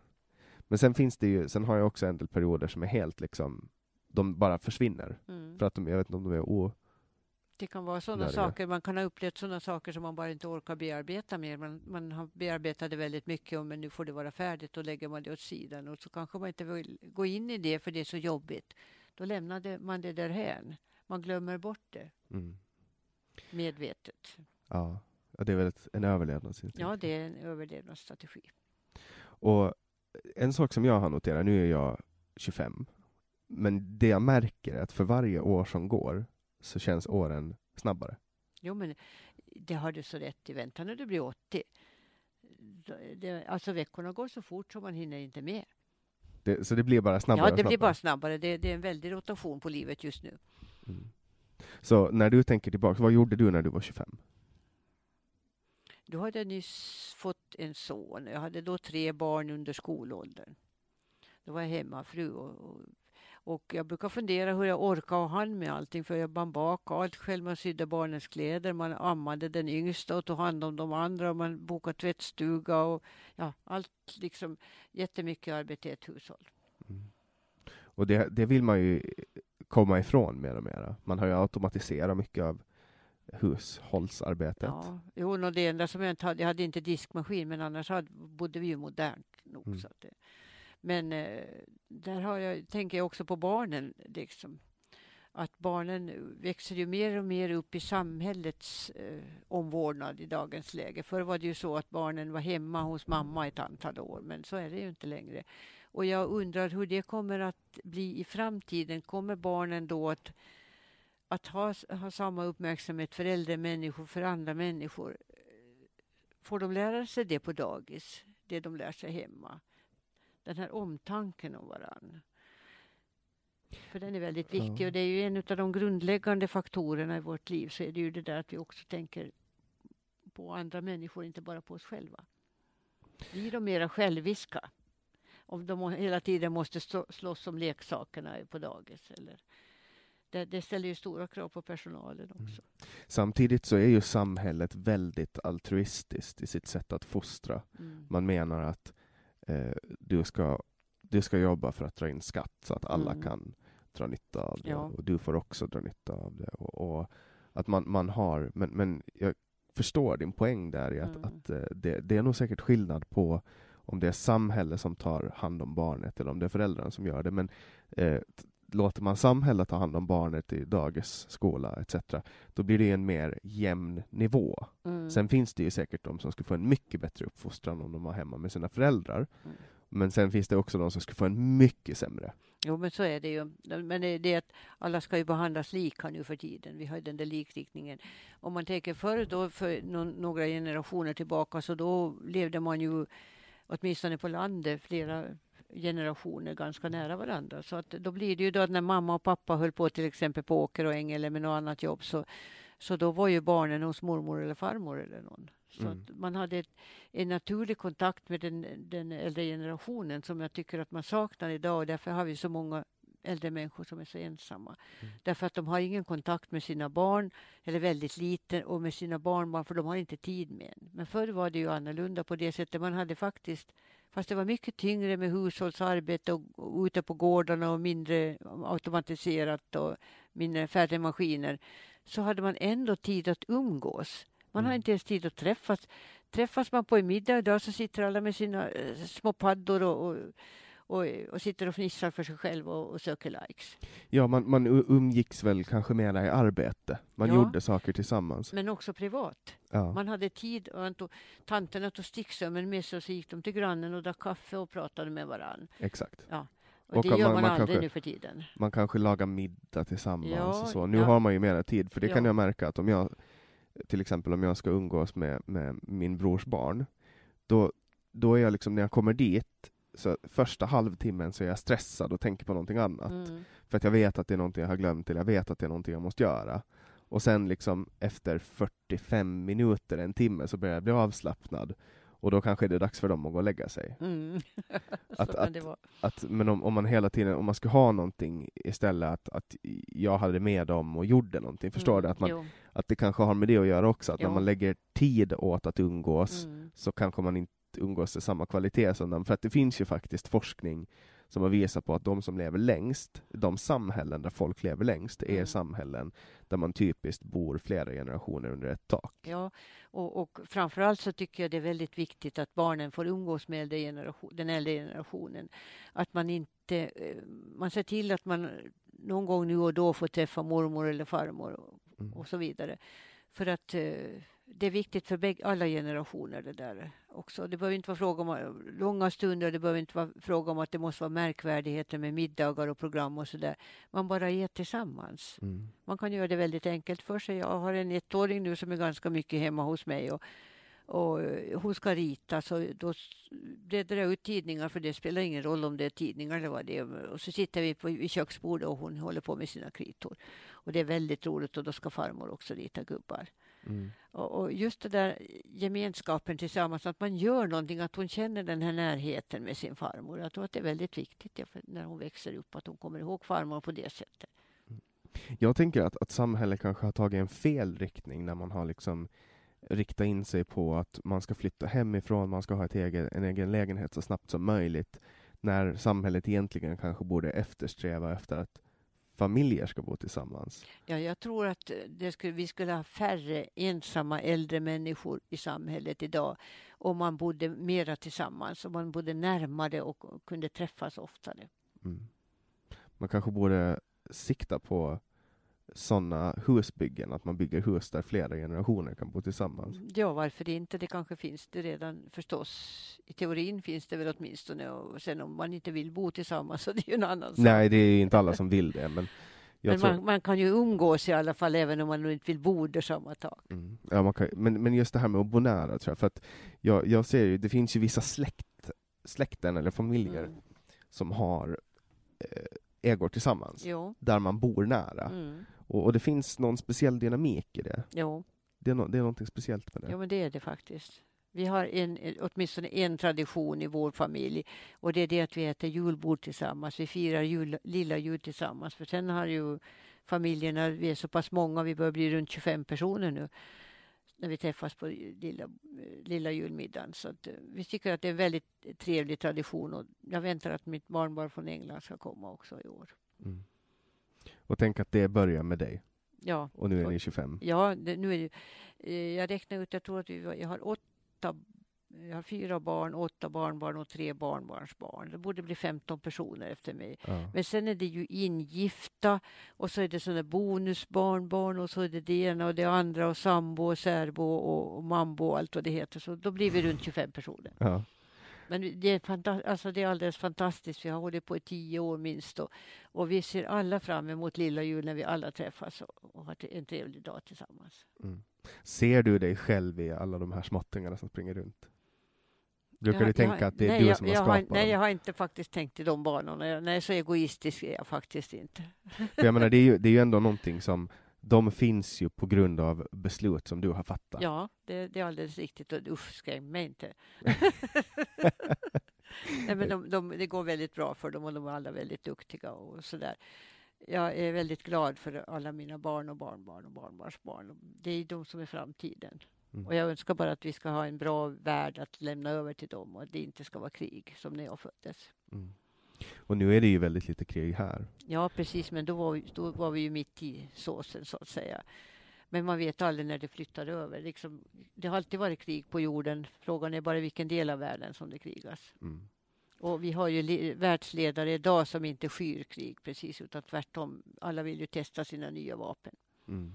Ja, och sen har vi ju Putin till höger om oss Mm. på kartan. Ja, Och det är väl kanske inte världens mest stabila person. nej, eh, nej, jag förstår. Ja, ja, han har ju tomt i Saltvik, så inte alldeles så långt från mig, men han har då inte visat sig där här. Men det var där, det var där Simon Gärdenfors eh, byggde en bögkoja. Ja, jo, det var visst. Jag hörde talas om det. Jag såg det på tidningen. Jag tyckte att det var väldigt kul. Man kan ju fråga sig vad det ska vara bra för. Ah, det var ju en PR-grej. Ja, De ville ju vara med i tidningen. ja just det. Ja, men något roligare har man väl kunnat hitta på. Ja. ja, de har gjort många sådana saker. Eh, det är ju PR-trick. De vill ju bli, det var ju som du sa tidigare, vem var det som hade sagt det? Eh, att, att det spelar ingen roll hur man syns, bara man syns. Att folk pratar om en. Ja, det är Ragnar Erlandsson sa Ragnar det. Mm. Just det. Eh, Men, men du har ju varit med länge, då måste ju du ha sett alla de här eh, gamla gubbarna som Mm. byggde, alltså typ Julius Sundblom och Honom har, jag levde visserligen samtidigt som honom, men jag har ingen minne av att jag skulle ha sett honom någon gång. Inte. Algot Johansson. Jo, men honom träffade jag i något sammanhang, vet jag. Hur var han som person då? Ja, eh, som jag såg honom då, jag var ju inte så gammal, så var han en artig och trevlig farbror. Som gick runt och... Mm. Så han var, han var din tids Wiklöf. Ja, det kan man nästan säga. Ja, men det var han ju nog faktiskt. Det var han ju. Så Han det Wiklöf är för mig en, en rik herre Ja, eh, som går runt och äger massa saker. Ja. Algot Johansson var det för dig. ungefär så kan man säga. Han, han, eh, han var ju beundrad. Algot Johansson var beundrad därför att han ordnar ju så mycket arbeten åt folk ute på sjön i och med att han köpte de där gamla skeppen och rustade upp dem. Och, och sen så var han mån om sina anställda. Han byggde ju bostäder åt dem. Mm. Det var ju någonting väldigt nytt i Mariehamn att någon arbetsgivare byggde bostäder. Det var Mm. väl bara på, Mariehamn, på Kastrineholms kungsgård som det fanns statabyggnader.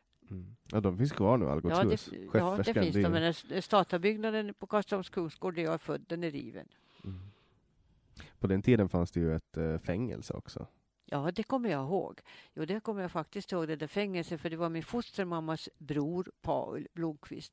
Han var föreståndare där. Hans fru hette Nanny. Och han hade ju en visst arvode för det han gjorde och sen hade de ju en bostad. Men att hon skulle stå och laga mat och baka allt bröd och allting, hon hade ingen ersättning för det. Nej. Det var ju han som hade ett arvode. Och så fanns det ju fångar där då som satt i de här små cellerna. Små vita barackerna? va? Ja, just, ja, nej, det var små, ja, små celler där inne i huset. Och jag var, kommer ihåg jag var fyra år, vi var där och hälsade på. Då skulle fångarna ha mat och då fick jag hjälpa till att bära in till den där lilla samlingssalen. Tallrikar och glas och bestick och så vidare och duka upp. Och sen fick jag lov att gå ut därifrån och sen låste han dörren och sen så släppte han ut fångarna från deras celler så att de kunde äta där inne. Men då fick inte jag vara med. Var det ålänningar som satt där? Jag har ingen aning om jag var så liten, så förmodligen var det väl det. Mm. Det var väl inga säkert, det var inga större förbrytare, vet du vad. Det var väl sådana som hade he- bränt lite brännvin hemma och som hade smugglat lite sprit och sådana där saker. Mm. Och det fick man inga göra på den tiden? Nej, Det var under förbud, förbudstiden? ja det var under förbudstid. Hur länge var den i Finland? Det kommer jag inte ihåg. Jag var så liten så jag hade liksom varken nytta eller omak utav förbudet. Mm. finns, det nå, finns det några andra ikoner som du kommer ihåg från, från Åland? Ja, det, det vet jag faktiskt inte. Det skulle väl ha varit prästen i Sund och s- eh, Snellman, han var ju lite... Vi var där, bodde en vinter på, på Sunds prästgård för min mamma, fostermamma var hushållerska åt prästen. Och prästfrun var nämligen borta och arbetade som lärare. De behövde pengar. Ja, prästens lön ansågs inte räcka till. De hade barn som studerade. Och då bodde vi på prästgården. Och då, han var en väldigt bestämd herre. Gick, och då hade man inte elbelysning på Sunds prästgård på den tiden utan han gick runt där med sin bordslampa i handen, oljelampa. Och mamma var livrädd för att han skulle häva sig kull och, och sätta eld på hela huset. Ja, verkligen andra tider. jo.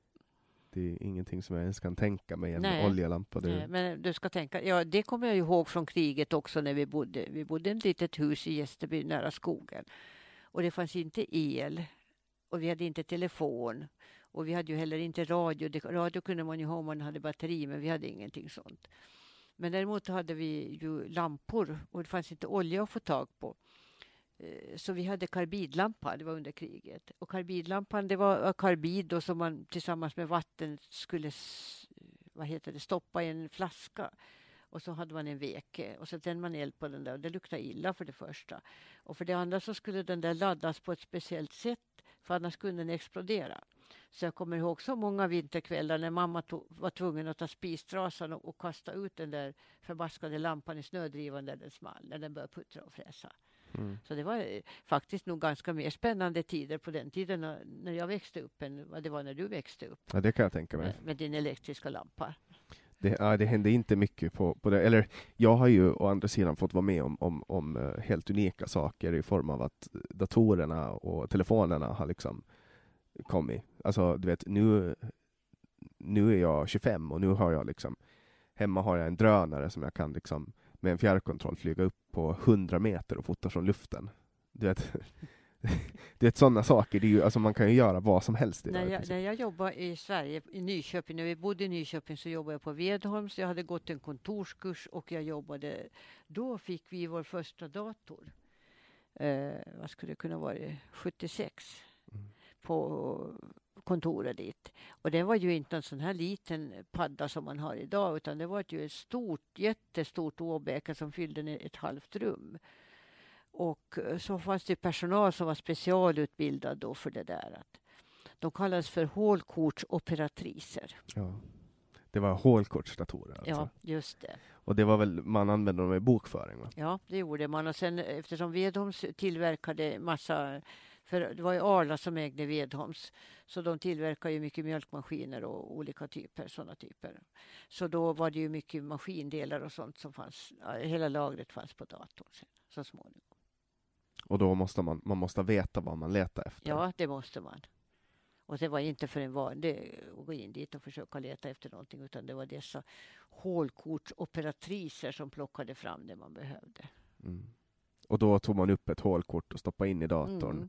Och då visade den på en skärm Ja, det man letade, Ja. sökte efter. jag tror att det var så faktiskt. Eller, kom det, eller var det så att det kom ut ja, nej, nej, det kom nog ut papper faktiskt. Jo, långa ramsor som man heller inte begrep vad det stod på dem.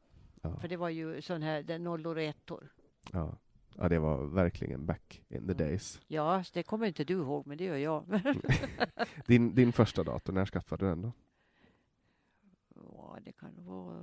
När var det faktiskt? Eh, mhm. Det var nog 30 år sedan kanske. Jag hade ganska tidigt skaffat jag dator.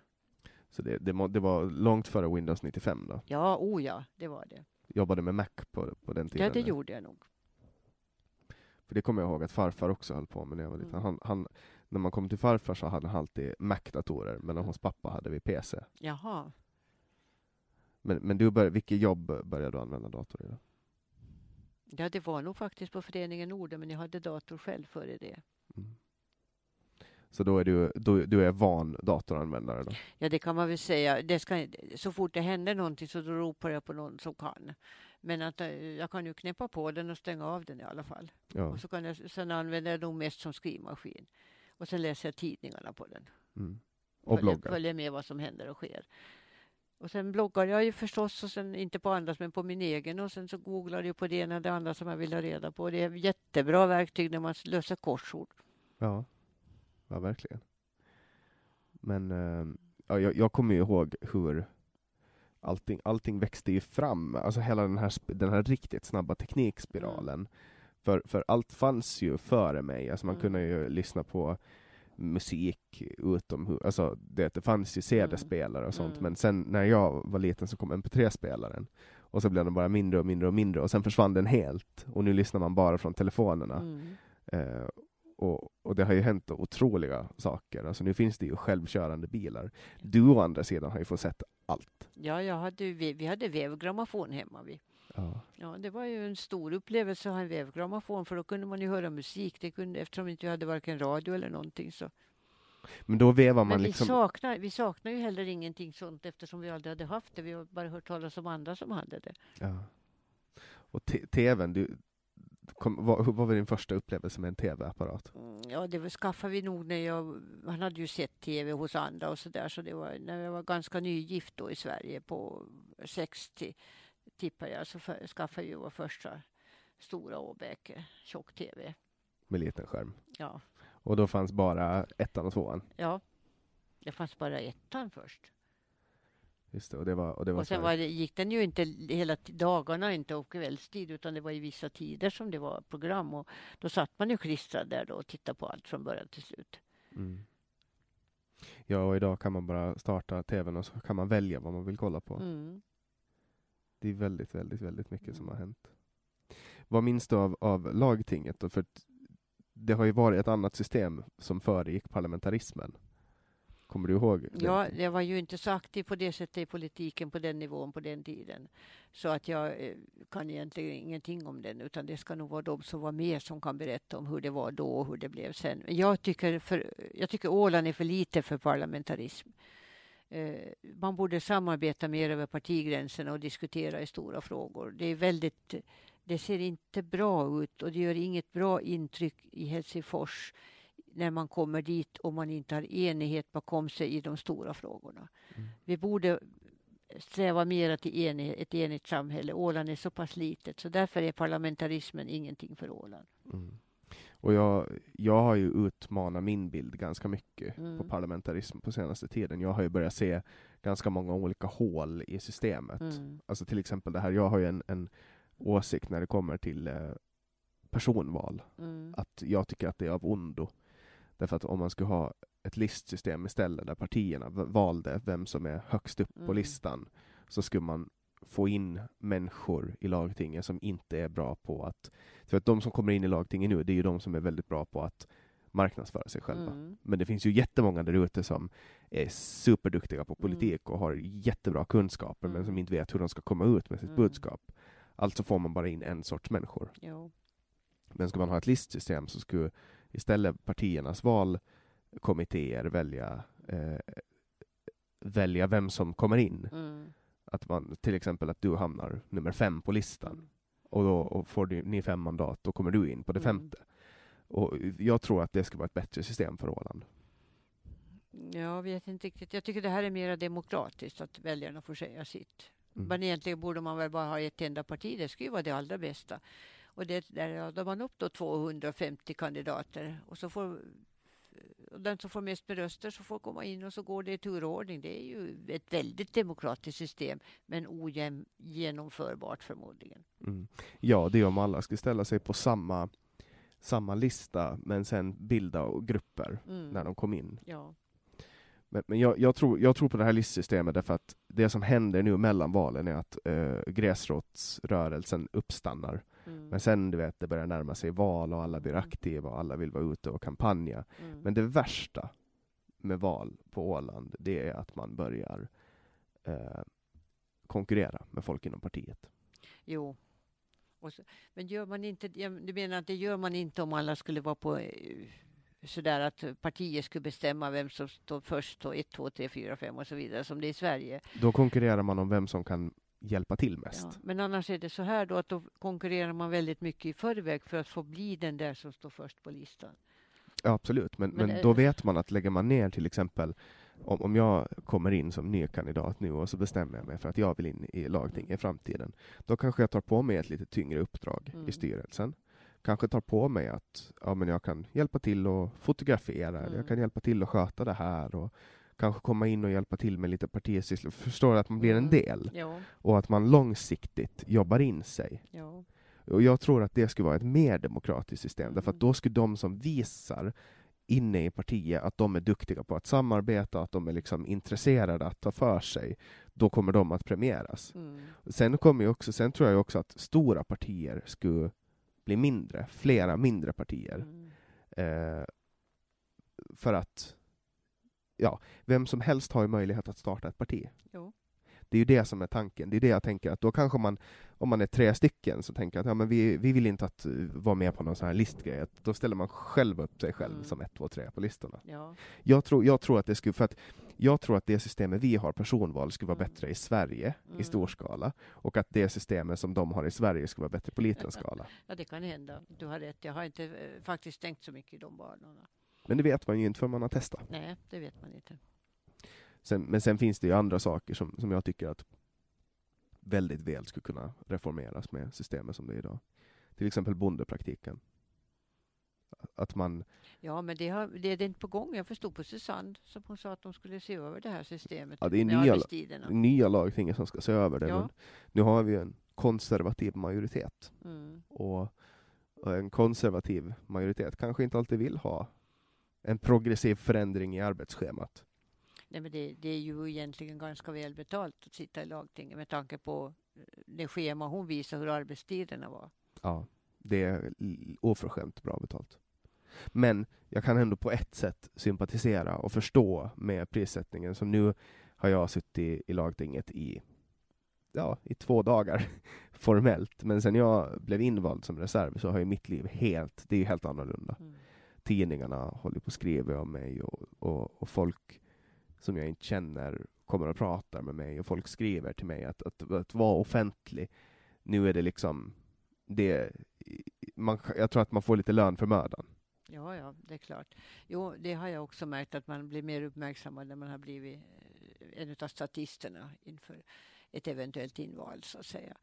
Men det, det är klart att eh, vill man inte bli en offentlig person, vilket de flesta på Åland inte vill bli eftersom de inte vill ställa upp i val, så då ska man nog inte ställa upp i politiken, nej. Därför att man blir väldigt snabbt ett litet samhälle offentlig, Mm. på gott och ont.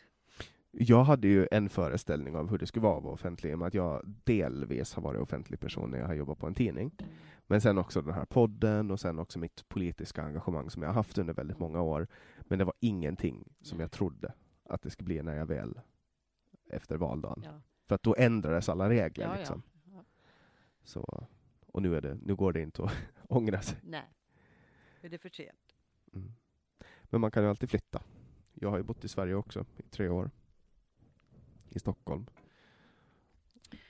Jag tror att det är ett, ett lugnt och tryggt samhälle, Åland. Och jag vet att många från Sverige, i synnerhet pensionärer i Stockholmsområdena, de har, sökt bostad och söker sig hit bland annat till Mariehamn därför att de tycker att äldrevården är mycket bättre. Det måste vara före det kraschade i Trobergshemmet. Äldrevården är mycket bättre på Åland än vad den är i Stockholm. Ja, och det, det lilla, lilla jag har sett av äldrevården i Stockholm är hemmet där min farfar befinner sig nu. Han har en demenssjukdom med inslag av Alzheimers.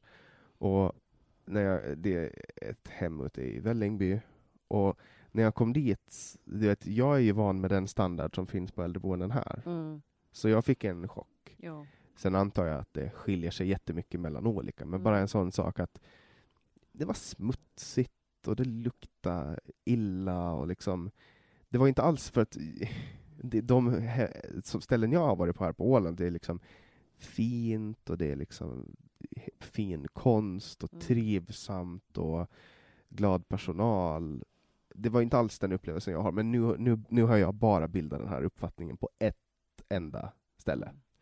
Det är ju så här på Åland, det är det som är fördelen med små samhällen också. Att eh, vi har många små kommuner och var och ett har eget ålderdomshem om jag säger så bara helt enkelt. Och eh, de som sitter i beslutande ställning i kommunen så har kanske en anhörig på hemmet eller förväntar sig att få en dit.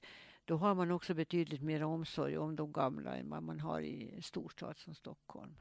Och eh, smuts och orenheter förekommer nog inte här. Men jag kommer ihåg när jag var barn så fick jag besöka det så kallade kommunalhemmet som var företrädare till Oasen som då tidigare hette Det gamlas hem. Kommunalhemmet låg i Grällsby och där var jag på besök med min fostermamma för hon hade någon tant som hon skulle hälsa på där. Och jag kommer ihåg att där var ju den där lukten och det där var inte, var inte så rent och inte så fräscht. Och jag, jag hade obehag för det faktiskt som liten. Men att så har vi det inte på våra ålderdomshem idag. Det är Nej. bra. Och nu är det ju, nu är det ju liksom sjukhusklass på städning och, Ja, det är det. och hela den biten. Mm. Men eh, ja, ålderdomshem är ju någonting som, som alla kommer att hamna på och jag har ju inte haft, alltså mitt intresse eh, har inte varit så jättestort på det sättet, om att jag egentligen inte riktigt har haft någon. Men nu när, när farfar har hamnat in, då blir jag liksom så här att ehm, jag blir så här, men ni kanske ska gå på lite mer promenader, men de går ju inte på promenader med honom. Ja, de. Och det är ju typ det viktigaste som finns för en person med demens och Alzheimers sjukdom. Att, att eh, få röra på sig. Ja, aktiviteter. Mm. Och de har liksom ingen, de har ingen tid för det. Men då, då är jag ju glad att privata Ja. sektorn finns, så att vi kan ta in någon som kan gå ut och, Mm. och gå med honom. För det, det är liksom den. Det är ju så här på Åland och så är det ju i Sverige också, de nordiska länderna överhuvudtaget och kanske hela världen. Att, att om, utav ett äldre par så förväntas ju den som är lite piggare att ta hand om den andra som blir lite skraltigare.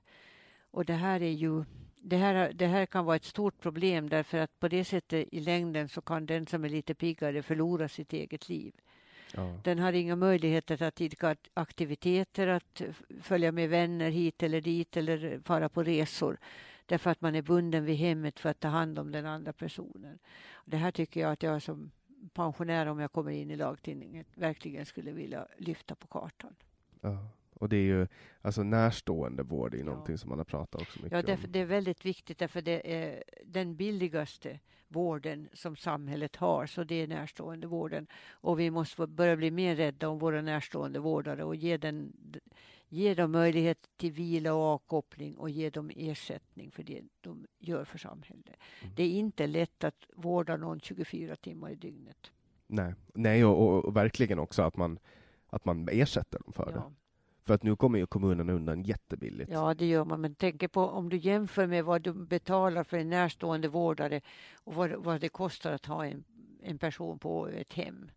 Ja, exakt. Och dessutom så är ju den här gamla då, det kan ju också vara en yngre människa som är i behov av vård, är ju mycket hellre i sitt eget hem än på ett eh, vårdhem.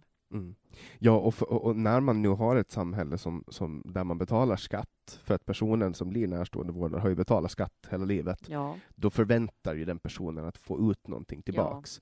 Jag tycker ju i sig inte att ur ett grundperspektiv att det är konstigt att man tar hand om, om en partner eller en mamma eller en pappa. mm, Eh, men nu bor vi i ett välfärdssamhälle Mm. och den personen har betalat, då bör den personen också få tillbaks ja. för dem. Eh, Vi, vi, vi har ju daghem för våra barn för att föräldrarna ska kunna arbeta och därför så tycker jag att man borde också se de äldre som en del av samhället. Man ska ta vara, mera vara på de äldres kunskaper och förmågor än vad man gör idag och inte bara bunta ihop dem och kalla dem för det stora framtida problemet. Det, det är skamligt att göra på det sättet för de, det är de gamla som har byggt upp samhället och gett de yngre den möjlighet att leva ett bra liv som de har fått. Och därför så ska man respektera äldre människor också och se dem som människor från början till slut. Från det att man blir pensionär tills det att man, man läggs i graven så är man en människa och inte någon, något problem för samhället. Mm, det håller jag med om. Men, men jag tror att många bara av farten glömmer bort det. Mm. För att man tänker på sig själv, man tänker på sin egen familj, man, man tänker liksom på det finns en, det finns en, eh, en låt som Cats in the Cradle som, mm. som handlar om en pappa som eh, får ett barn och så är han borta hela tiden när barnet liksom växer upp och barnet frågar liksom, pappa kan vi spela boll idag? Och, och sen växer barnet upp och, och då vill pappan umgås med barnet för pappan har blivit gammal. Mm. Men då är sonen upptagen mm. för att han, han ska ut, han vill låna bilen och han är bara intresserad av det och sen eh, när han blir ännu äldre då hinner han inte träffa sin pappa för han har barnen och allting och då inser pappan i slutet att hans barn blev precis som honom. Mm. Han hade liksom inte tid. Men det är det som jag är rädd för med framtidens samhälle också. Att om eh, våra barn inte umgås med äldre generationer och knappt med sina egna föräldrar från Södertäljerna så blir de också så att de inte bryr sig om oss äldre. Det är därför som det är så väldigt viktigt att man håller kontakten med den yngre generationen hela tiden och att, den att föräldrarna tillåter barnen att umgås med den äldre generationen. För det finns faktiskt familjer också på Åland där inte de, den, eh, barnen får träffa mormor eller farmor. Därför att, att eh, föräldrarna tycker inte att de kanske, de är, kanske inte är så trevliga Annars har de något annat fel. Mm. Att vi måste börja se mera på det här, hur viktigt det är med generations, att generationer umgås över gränserna. Att det inte ska finnas några gränser mellan generationer. Vi är alla människor. Jag är 15 år, så länge jag lever jag i mitt själ. Mm. Ja, och, och sen, sen har ju också den yngre generationen någonting att lära av den äldre i form av, av saker, kunskaper som, som kanske har försvunnit däremellan. Ja, det är det. Och framförallt vi äldre som har väldigt väldig nytta av den yngre generationen. För när, man, när det, den förbaskade datorn låser sig eller när det blir något annat elektriskt problem där hemma så då är det ju de yngre som kan. Jag kommer ihåg när jag var i Sverige för ett antal år sedan, ganska många år sedan nu, och Pontus ett, mitt barnbarn, där, det yngsta barnbarnet i Sverige, han har en utvecklingsstörning. Han var tre år och så skulle jag, de bodde på landet och så skulle jag se på nyheterna och de hade flera sådana där som man ska ha för att kunna se på nyheterna. Eh, jag fick ju inte på några nyheter så jag fick ropa på Pontus och han var tre år och utvecklingsstörd men han hade inga problem att sätta på nyheterna åt farmor. Inte. Nej. Så, så unga barn, eller barn kan oerhört mycket som vi äldre aldrig har fått lära oss av det. Och sen när vi har fått, vi har inte tid att lära oss det heller och inte har vi lust heller. Men då är det väldigt bra när man har en ung generation som kan och hjälper mm. till. Och det, det, måste ju ha någonting att göra med att, att man har växt upp. För honom så är det det naturligaste ja. som finns, att trycka på olika dosor. Ja. Medan för dig så är det någonting som har blivit introducerat. Ja. Och du bryr dig egentligen inte om varför Alltså du vill bara att det ska funka. Ja, precis. Exakt. Medan någon kanske är mer intresserad av den bakomliggande tekniken mm. och hur funkar det här ja. och vad är det här liksom. Uh, och, och, det är också, jag vet inte, var det så förut också? Att, att, med bilar och sånt? Jo, men det har nog alltid varit så. Det har ju, men det är bara det att uh, utvecklingen har gått så rasande fort under mitt liv det hände inte lika mycket på 100, ska vi säga 80 år. Medan, vi ska säga då mellan slutet på 1800, 1850-talet till 1950 eller 1940 så hände det ändå inte så mycket på utvecklingen som det har hänt de här sista åren. Mm. Och, och därför så eh, respekterar vi, men vi respekterar våra äldre för deras kunskaper och det saknar jag idag. De hade ju kunskaper som inte vi hade också om det som hade hänt förut och gamla tekniker och allting sånt där. Det är ingen intresserad av idag.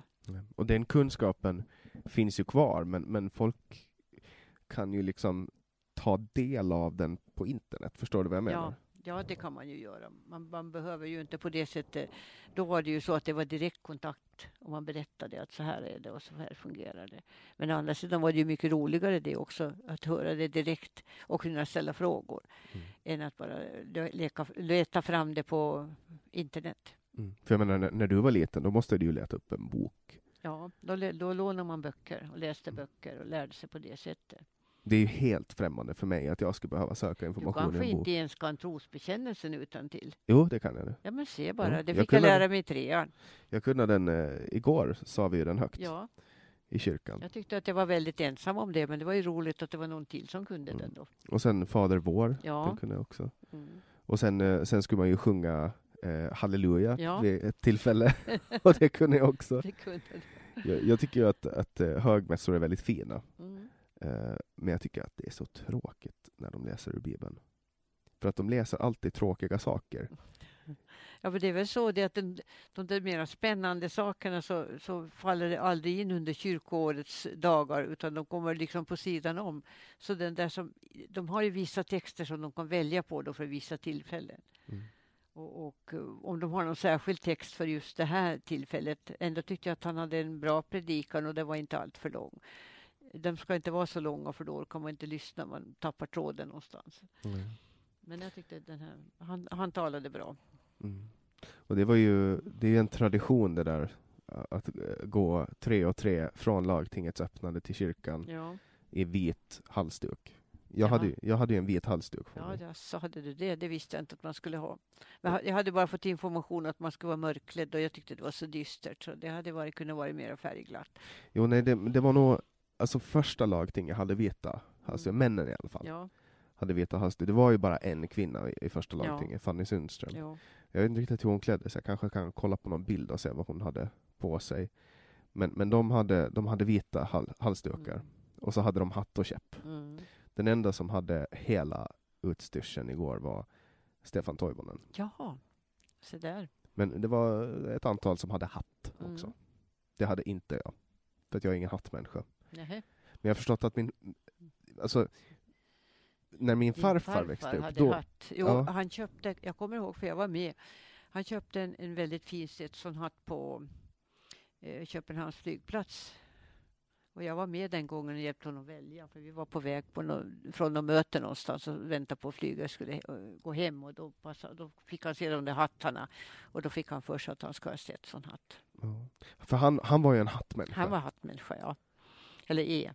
Är hattmänniska. Och det, och det är en ganska ovanlig syn idag, Ja, att se folk med hattar. Tror du att folk skulle skratta om jag började bära hatt? nej, det tror jag inte. Därför att det är ändå många som gör det. Anledningen till att jag inte tog min röda hatt med blåa rosor på, så det var ju det att det blåste och jag hade ingen lust att, att flaxa runt där framför kyrkan och, och för, försöka fånga hatten för att den blåste av. Ja. Annars skulle jag, jag hade nog tänkt ha röd hatt. Men förr i tiden använde man väl hatt istället för paraply? Alltså Ja, när det regnade? Jo, ja, men man hade alltid hatt. Jo, oh ja, damer hade hatt. Man var oklädd utan hatt. Mm. Men det var, det, var, det, det var väl den praktiska orsaken att man skulle skydda att man skulle bli blöt Ja, i man håret? hade paraply också, stora Ja. overkliga saker. För, för jag menar, ja kanske, men, men det var en modegrej Ja, men främst. på hatten hade du, du hade, sen när det kom plast, när plasten kom så då satte du plast över hatten så att den inte skulle bli blöt. Jaha. Ja. Så man drog Som någon... du knöt under hakan. Ja. ja, nej, men kanske man ska introducera det här modet med hattar igen Ja, men det tycker jag, för jag tycker det är trevligt och så är det ju ganska varmt också. Ja, och så kan man ly- lyfta på hatten. Ja, ja du sa. precis. Och så kan man ju ha sådana öronlappar då Ja. Om man tycker att det är kallt för öronen. Det, det skulle nog vara någonting. För nu, nu ser jag i princip, det är äldre människor och Mikael Hancock Ja. som har hatt. Mm. Det är stiligt, så det tycker jag man borde, det borde du introducera om du kommer in i lagtingen nu på allvar. Ja. Jag, jag ska ta mig en ordentlig funderare, kanske Mm. gå in i en hattbutik och, och Ja. testa. Det finns ingen hattbutik i Mariehamn. Jag vet inte om det är någon som säljer hattar här längre. Antagligen inte. Jag tror jag, det har svårt att tänka, kanske finns några skojhattar. Ja. Men du kan väl öppna en hattaffär då om du inte kommer in i Ja. lagtingen? Ja, det kan jag göra. Ja. Men sen finns det ju Men det ska vara damhattar också då, snygga saker så att man kan ha anledning att komma in och köpa sig en ny hatt någon gång. Ja, sen, det finns i, Götgatsbacken Mm. så finns ju hattbaren. Ja, Där, där kan man ju handla sen. Det är den enda hattbutiken jag känner till. Har du varit där någon gång? nej men jag har varit på Drottninggatan, där har jag varit och provat hattar på ett ställe för många år sedan då. Mm. Jag bodde i Stockholm. Det är ju, det är ju lite mer eh, vanligt att, att kvinnor har hattar nu för tiden. Ja. Unga kvinnor. Mm. Men- Alla de här prinsessorna och kungliga har ju hattar. Mm. Värt, att, och, värt att ta tillbaks kanske. Nu har vi hållit på i ja, nästan den tid vi har. Men är det någonting du gärna vill att vi ska prata om? Nej. Jag skulle tycka det skulle vara gott med lite kaffe nu. Ja, då tycker jag att vi, vi avslutar för idag och så, och så går vi och dricker lite kaffe. Det var en mycket bra idé. Mm. Och då tackar vi alla er som har lyssnat ända till slutet. Som ni vet så får ni gärna önska gäster som ni vill höra här i podden. Vi släpper nya avsnitt varje onsdag och ni hittar dem som vanligt på www.samtal.ax. Eh, producent för det här avsnittet var Didrik Svan. Jag heter Jannik Svensson och du har lyssnat på Säg vad du vill Åland.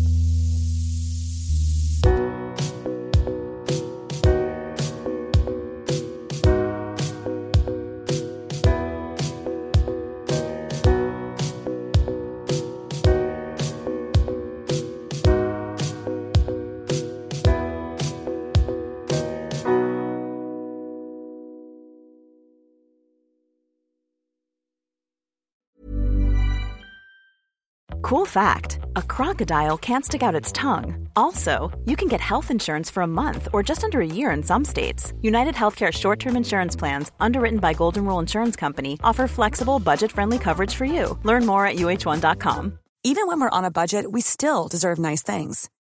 Quince is a place to scoop up stunning high-end goods for 50 to 80% less than similar brands.